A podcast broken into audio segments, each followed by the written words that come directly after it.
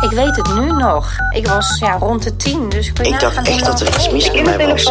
met Floor. Het was wel echt, eh, zeg maar, eh, de vriendin die nooit iets doorvertelde. kindertelefoon was ideaal, want dat was gewoon anoniem en heel veilig. dat je iemand had die naar je luisterde.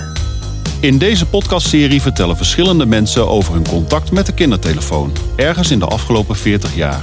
Waarom belden ze? Hoe was het om een verhaal te delen met een onbekende stem? En wat was de impact van een luisterend oor, misschien wel voor de rest van hun leven? De verhalen gaan over eenzaamheid, seks, onzekerheid en hele alledaagse dingen. Het vertellen gebeurt anoniem, omdat het niet gaat om de afzender, maar om het verhaal. Nou ja, ik was dus 13, 32 jaar geleden. En eh, ik had een, eh, voor het eerst een vriendje. Dan eh, heb je wel seksuele voorlichting eh, gehad. Ja, en toen kwam ik dus achter dat ik niet klaar kwam tijdens de seks. En ik dacht echt dat er iets mis met mij was. Ik vond dat wel heel erg privé om dat te bespreken, omdat het... eh, ja, ik had er gewoon een beeld bij dat, dat dat dan niet normaal was als je niet klaar kwam. Ja, het was een hele belangrijke vraag.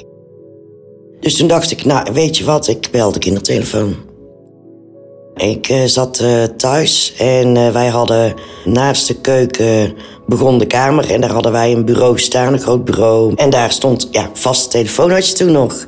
Dus ja, daar heb ik gebeld. Ik kan me nog precies herinneren dat ik daar toen zat met die vraag. Ik was alleen thuis. Nou ja, dat, dat heb ik toen verteld. En toen zei die mevrouw aan de kindertelefoon van... nou ja, ik weet niet hoeveel percentage... maar iets van 80 of 90 of 99 procent in ieder geval. Een groot percentage van de vrouwen komt niet klaar bij penetratie. Dat is heel normaal. En toen dacht ik, oh, nou, dat eh, ben ik dus, dan ben ik dus normaal. Het was vooral voor mezelf een, eh, een, een, eh, bevestiging. En daarna was het alleen maar een opluchting dat het normaal was. En eigenlijk dan ook, ja, eh, ben je dan ook niet meer onzeker in, eh, in bed. Dan, je bent gewoon wie je bent en eh dan doen ze het maar mee, ja. Dit was een van de verhalen uit een serie van zes. Met de kindertelefoon kun je al 40 jaar over alles praten.